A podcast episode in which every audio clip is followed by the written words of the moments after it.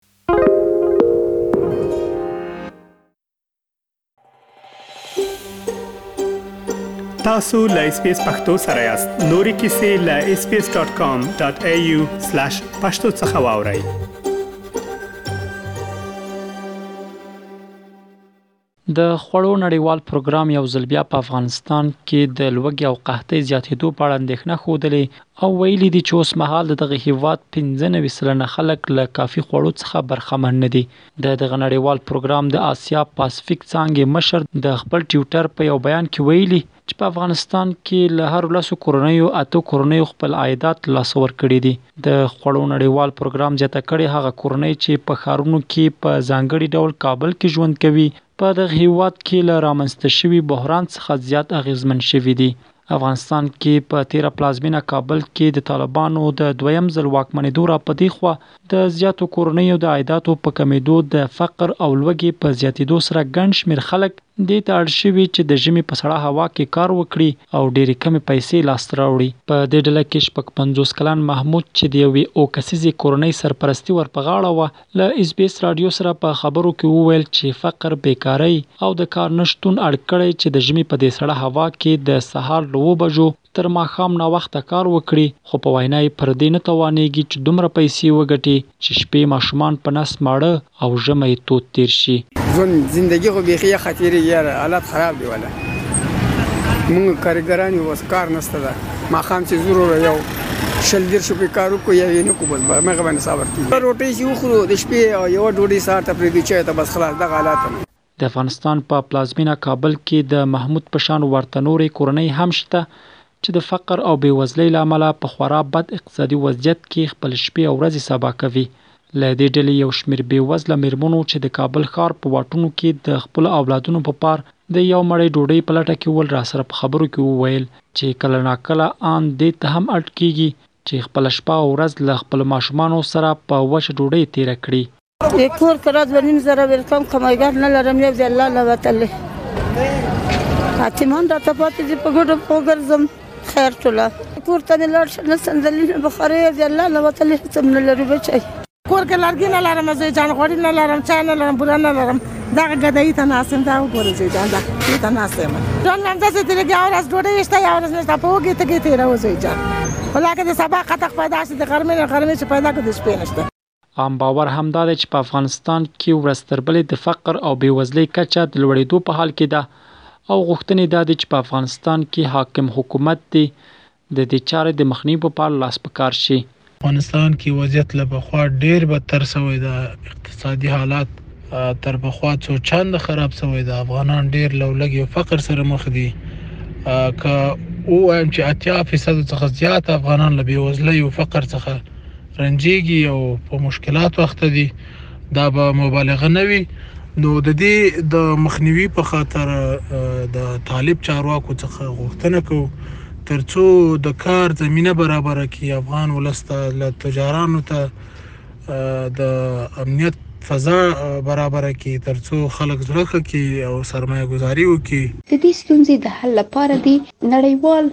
د افغانستان بند شتمني آزاده کړي ترڅو هیوادوال له روان اقتصادي بحران او د روان له فقر خلاص شي د دې ترڅنګ نوی نظام دی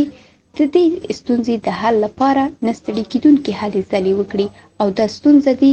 د ټولو هیوادوالو پر وړاندې حل کړي که چیرې د دې ستونزې مخه ونه نیول شي د فقر له امله به ډیری هیوادوال خپل ژوند له لاسه ورکړي. کومې پروژې په قبلي حکومت کې پیل شوې وې او کارونه یې په ټپه درېدلي دي، موږ کولی شو چې زر تر زره دغه پروژې پیل کړو